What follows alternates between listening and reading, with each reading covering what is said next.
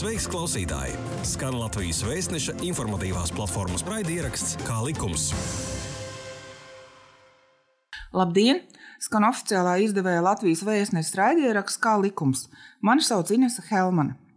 Pēdējos gados populārs kļuvušas vienstāvu koku konstrukcijas, moduļu ēkas ar abūs laukumu līdz 60 kvadrātmetriem. Tās ir rūpnieciski izgatavotas un var uzstādīt bez būvprojekta. Kādi nosacījumi ir šādu būvju uzstādīšanai? Par to sarunu ar Rīgas domas pilsētas attīstības departamenta arhitektūras un pilsētvidas dizaina pārvaldes vadītāja vietnieci Viktoriju Belerti. Labdien, Viktorija! Labdien! Tātad, kas ir veicinājis rūpnieciski ražotu vienstāvu ēku ar abūs laukumu līdz 60 kvadrātmetriem uzstādīšanas popularitāti? Kur likuma grozījumi tie ir un kad? 2014. gadā stājās spēkā jaunais būvniecības likums un tam pakārtotie vispārīgie un speciālie būvnoteikumi. Vispārīgie būvnoteikumi iedala ēkas trijās grupās. Pirmā grupa ir mazēkas, vienstāv ēkas, tā skaitā nojums un palīgākas, kur abos laukums nav lielāks par 25 kvadrātmetriem, un atsevišķi, atsevišķi rūpnieciski izgatavotas vienstāv ēkas ar abos laukumu līdz 60 kvadrātmetriem. Un secīgi šis regulējums paredz, ka šādām pirmās grupas būvēm, būvēm ir vienkāršot saskaņošanas kārtību, nav jāsādā būvprojekts, bet pietiek ar paskaidrojumu rakstu. Un tad, nu, no 14 gada tad arī šāds jaunums, kāds ir izdalīts šādas būvs, ir ieviests. Mhm. Un kas ir svarīgi šādai moduļu ēkai ar abūs laukumu līdz 60 kvadrātmetriem? Kam ir jābūt? To jau pasaka pats, pats formulējums ka svarīgi šeit ir tas aspekts, ka tā ir rūpnieciski izgatavota. Jo, ja notiek šādas tēkas, pirmās grupas sākas būvniecība, tad mēs skatāmies, ja, ja būvē, mm, nu, ja tā ir būvniecība tradicionālā izpratnē, tad uh, šis atvieglotais regulējums attiecas tikai ēkām līdz 25 kvadrātmetriem. Savukārt, ja ir rūpnieciski izgatavots objekts, tad uh, atvieglotais regulējums ir ēkām līdz 60 kvadrātmetriem. Nu, tātad pats svarīgākais ir, ka to izgatavo ražotājs, nevis pati persona. Ja? Jā. Tā ir tā galvenā atšķirība. Tātad, kādiem nolūkiem pēc jūsu pieredzes vispār uzstādīt tādas moduļu ēkas ar abūs laukumu līdz 60 kvadrātmetriem? Vai tās ir dzīvojamās mājas, vai tās ir palīgākas? Tās var būt jebkādas ja funkcijas ēkas atkarībā no tā, kas būvniecības ierosinātājiem nepieciešams. Gan, protams, populāri ir, ka tās ir tādas palīgākas kā, kā, kā pirtis vai, vai dārza mājas, ko, ko, ko izvieto jau, jau piesojušas šautmājas, bet arī, arī, protams, dzīvojamās ēkas var šādā veidā izvietot. Vai tās liek uz iepriekš jau izraktiem pamatiem, jeb uz betona klučiem, jeb uz vēl kaut kā? Jā, šeit atšķirība ir tāda, ka, ja tā ir rūpnieciski izgatavota ēka, tad tas būvniecības veids, kādā šī ēka tiek, tiek novietota teritorijā, saucas būvs novietošana. Un būvs novietošana savukārt ir būvdarbi, kurus veids iepriekš izgatavots būvs salikšanai no gataviem elementiem paredzētajā novietnē, neizbūvējot pamatus vai pamatni dziļāk par 30 cm. Šeit ir tā atšķirība, ka šādam objektam, lai to saskaņot kā pirmās grupas objekta paskaidrojumu rakstu, nedrīkst būt pamata dziļāka par 30 cm. Nu, tas, kāds tas konkrētais risinājums ir, jau ir atkarīgs no ierosinātāji. Kādai šai ēkai ir jābūt, kādi ir parametri? Griestu augstums, telpu daudzums, vai tas atkarīgs no tā, kāda veida māja šī ir, kā tā tiek izmantota? Jā, tieši tā. Tas, kā, kā, kāda objektam ir atkarīgs no izvēlētā lietošanas veida. Ja, piemēram, tā ir dzīvojama ēka, tad ir jāievēro Latvijas normatīvas dzīvojamām ēkām, kas piemēram, nosaka, kādām telpām ir jābūt, kādas telpas ir nepieciešamas dzīvošanai. Ja savukārt tas ir kiosks, piemēram, kiosks ar publisku funkciju, tad jāskatās Latvijas būvniecības normatīvas publiskas būvs un attiecīgi no tā izrietošām prasībām. Jā, nu tā, mm, varbūt tāpēc, ka moduļu ēkas bieži vien izmanto arī kā dzīvojamās mājas, varbūt paraksturojiet, kādam jābūt telpu daudzumam, griestu augstumam, vēl varbūt vēl kādi parametri. Tieši ja šīs moduļu mājas izmanto dzīvu kā dzīvojamās mājas. Tātad, projektējot dzīvojamo, dzīvojamās telpas, jāprojektē vismaz viena dzīvojamā istaba, savukārt dzīvojot palīdzību grupā nepieciešama priekšstāvja garderobas vietu, sanitāra tehniskās telpas un virtuve vai virtuves niša. Tas ir tas minimums, kas jābūt katrā, katrā dzīvojamā telpu grupā. Jā, bet, un, piemēram, griestu augstums, man liekas, arī ir noteikti dzīvojamām telpām. Dzīvojamās telpās minimālais augstums ir vismaz 2,5 metri. Jā. Un sakiet, ja cilvēki paši gribētu iepazīties, kādiem jābūt parametriem dzīvojamai ēkai, kas ir tie normatīvi, kas nosaka šos kritērijus? Attiecībā tātad uz pašām dzīvojamām telpām, kā jau minēju, ir Latvijas normatīvas dzīvojamās ēkas, bet principā jau vispār, lai saprastu, vai konkrētajā teritorijā var izvietot dzīvojamu ēku, ir, ir jāskatās konkrētās pašvaldības teritorijas izmantošanas un abūs noteikumi. Likums? Kā likums? Jā, tu klausies Latvijas Vēstneša informatīvās platformas raidierakstu Kā likums. Un sakiet, kas ir atbildīgs par noteiktiem parametriem tajā moduļa ēkai ar abūs laukumu līdz 60 kvadrātmetriem? Ka tur ir piemēram noteiktai funkcijai, vai pirts, vai dārza māja, vai dzīvojama māja, ka tur ir jābūt tieši tas griezt augstums, tieši tas telpu daudzums. Vai tas ir atbildīgs ir ražotājs, jeb cilvēks, kas pērk un saskaņo būvvaldē? Tātad primāri šādas būvniecības novietošana, kā jau sākumā minēju, ir būvniecība. Un būvniecības dokumentāciju izstrādā vispārīgos gadījumos certificēts būvniecības speciālists, kurš arī ir atbildīgs par to, lai tā dokumentācija tiktu izstrādāta atbilstoši gan būvnormatīviem, gan abūs noteikumiem un, un citiem būvniecību regulējušiem normatīviem aktiem. Attiecībā uz šā, šādiem pirmās grupas objektiem ēku būvnoteikumu paredz izņēmumu, ka savai dzīvojamai ēkai un tās palīdzēkai šo dokumentāciju var izstrādāt pats būvniecības ierosinātājs. Līdz ar to šādā gadījumā būvniecības ierosinātājs, tad mm, konkrētais zemes gabala īpašnieks un, un būvs pircējs ir, ja viņš neizvēlas um, dokumentācijas sagatavošanai certificētu būvniecības speciālists un pats gatavo šo dokumentāciju, tad arī viņš pats ir atbildīgs par to, lai visas šīs prasības uh, tiktu ievērotas. Bet ražotājiem ir kāda atbildība, ja, ja cilvēks pērk moduļu ēku, kas ir gatava, kur varētu tikai uzstādīt? Ražotājs neražo būvus kādai konkrētai teritorijai, bet uh, ražo būvju izstrādājumus, kuru ražošanā viņiem nav, uh, ražotājiem nav pienākums uh, ievērot uh, to, tos nu, abus noteikumus vai, vai, vai, vai būvnu normatīvu attiecībā uz uh, konkrētu ēkas lietošanas veidu nu, rēts piemērs. Cilvēks ir atnācis arī nopirkt šādu moduļu ēku un nāk, nāk viņu skaņot. Un viņam mēs nevaram saskaņot, jo pēc būvnormatīva viņam nav nodalīts atsevišķi ieejas niša. Mhm, Tātad tomēr pašam īpašniekam ir jāgādā par to, lai tā moduļa ēka atbilstu visām normatīvu prasībām. Ja? Tā pēc prakses tā ir. Īpašnieks kā būvniecības dokumentācijas izstrādātājs. Jā, tas tāpatās ja, izvēlētos certificēta būs speciālistu pakalpojumu, tad šis būs speciālists būtu atbildīgs par to, ka dokumentācija ir izstrādāta atbilstoši normatīvo aktu prasībām. Mhm. Un kā būtu labāk? Praksē, diemžēl, ir gadījumi, ka uh, iegādātājs būvī izstrādājums uh, neatbilst uh, būvnormatīvu prasībām. Un tad, kā labāk tam īpašniekam darīt? Tomēr labāk konsultēties laikam ar kvalificētu būvniecības speciālistu nekā pašam pārbaudīt, vai tā moduļa ēka atbildīs visām normatīvu prasībām. Ko jūs ieteikt? Protams, ka būvniecībā primāri mēs iesakām konsultēties ar certificētu būvniecības speciālistu. Bet nu, šobrīd regulējums, kā jau sacīju, neaizliedz arī pašam, pašam būvniecības ierosinātājam šīs darbības veikt. Mhm. Un ko ir svarīgi ņemt vērā, ja šādu moduļu ēku vēlas novietot uz, uz sev piedarošas zemes? Tur pašvaldības teritorijas plānojums par droši vien paredzētu individuālu apbūvi, varbūt vēl kaut kas. Principā neatkarīgi no tā, vai tā ir jauna būvniecība vai novietošana, ir jāievēro uh, visi tie paši uh, būvniecību regulējušie normatīvi akti.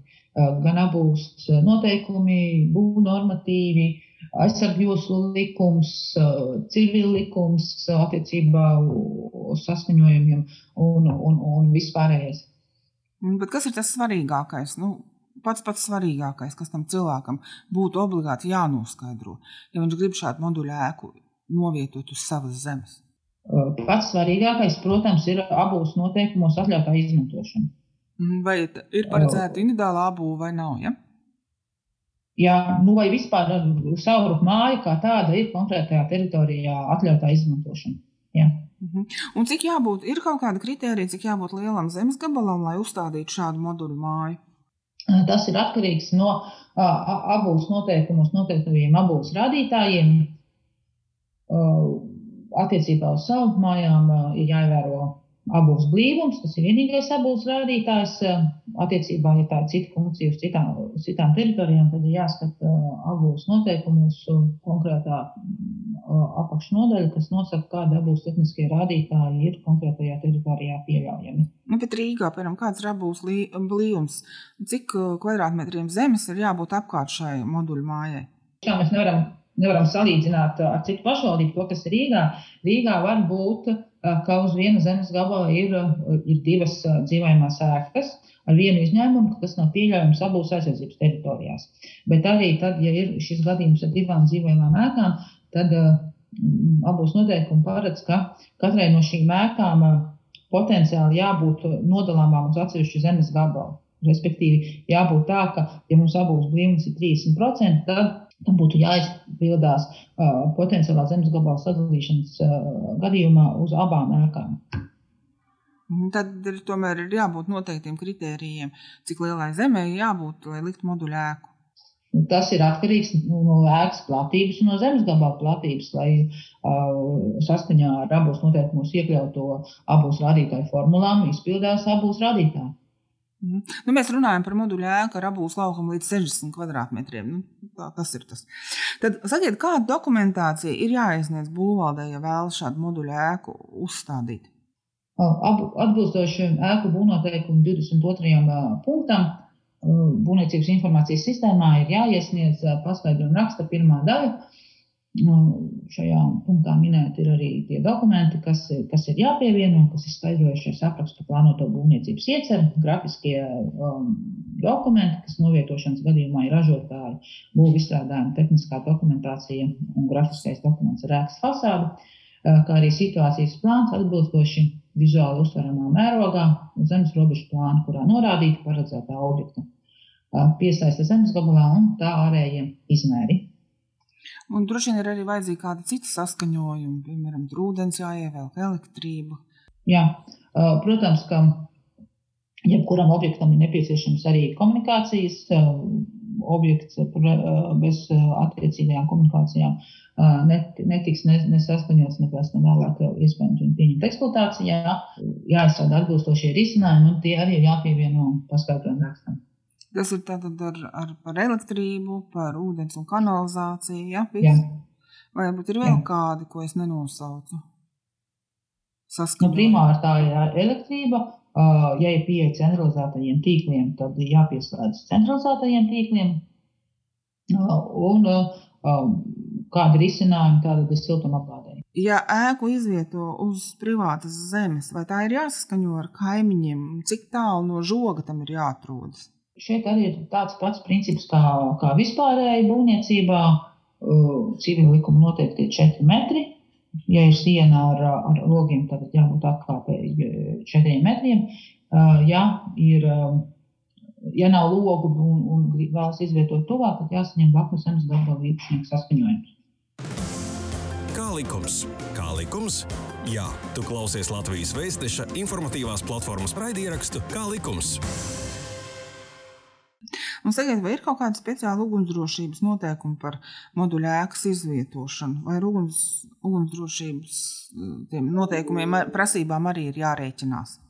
Jā, protams.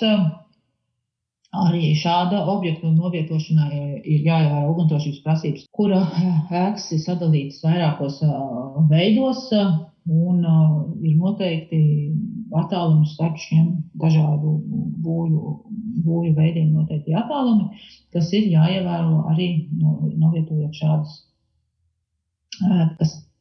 Vai jūs varat minēt kādu piemēru, kāds ir tas attālums no kā? tad tas ir atkarīgs no ugunsnoturības objekta, ugunsnoturības pakāpes. Tie var būt piemēram starp U1 un U2 minimālo, minimālās ugunsdrošības attālums ir 4 metri, tad būtu 3 būvēm 5 metri. Bet tas ir atkarīgs no, no, no konkrētā objekta ugunsdrošības, ugunsnoturības pakāpes. Bet ko nozīmē U1, U2, U3? Kas tās ir pēkām?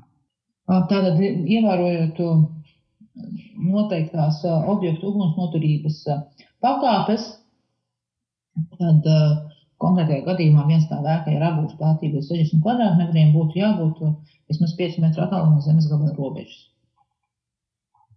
Bet tas ir jāskatās konkrētajā gadījumā. Protams, katrs konkrētais gadījums atšķirīgi, atšķirīgi un ņemot vērā Latvijas būvniecības normatīvu būvju ugunsdrošību. Bet tad nevis 4 metri no žoga, bet 5 metri no tās, žoga. Tās ir divas dažādas lietas. Divi dažādi regulējumi. Viens runā par civilikumu, par, par logiem pret kaimiņu, otrs ir atkarīgs no būvju ugunsnoturības pakāpes. Nu jā, bet kur, kur tam cilvēkam ir jāievēro? 4 metri vai 5 metri? Tas bija piemērs, ka tie varētu būt 5 metri. Es vēlreiz atkārtoju, tas ir atkarīgs no būvju ugunsnoturības pakāpes. Un es šobrīd tiešām nevaru neko vairāk paskaidrot, jo es neesmu arhitekts. Jā, labi. Tātad moduļa ēkas rabūs laukuma līdz 60 kvadrātmetriem mēdz būt arī pārvietojums. Vai tās ir uzskatāmas par būvēm, ja ar tām normatīvajos aktos noteiktajā kārtībā var piedalīties ceļu satiksmē? Tās var būt piemēram trēleri, celtnieku dzīvojuma vagoniņi, droši vien vēl kaut kas cits. Ja. Tātad, ja objekts ir reģistrēts kā transporta līdzeklis un ir pārvietojams, tā novietošana zemes gabalā nav uzskatāma par būvniecību. Taču tiklīdz šis uh, objekts tiek noņemts no uzskaits, novietots konkrētā vietā, piesaistīts pie komunikācijām, tā ir būve. Un, protams, tās novietošana jāskaņo normatīvos aktos noteiktajā uh, kārtībā. Uh, šeit es varu vērst uzmanību, ka Rīgas um, teritorijas izmantošanas nabūs noteikumos ir tāda specifiska prasība, ka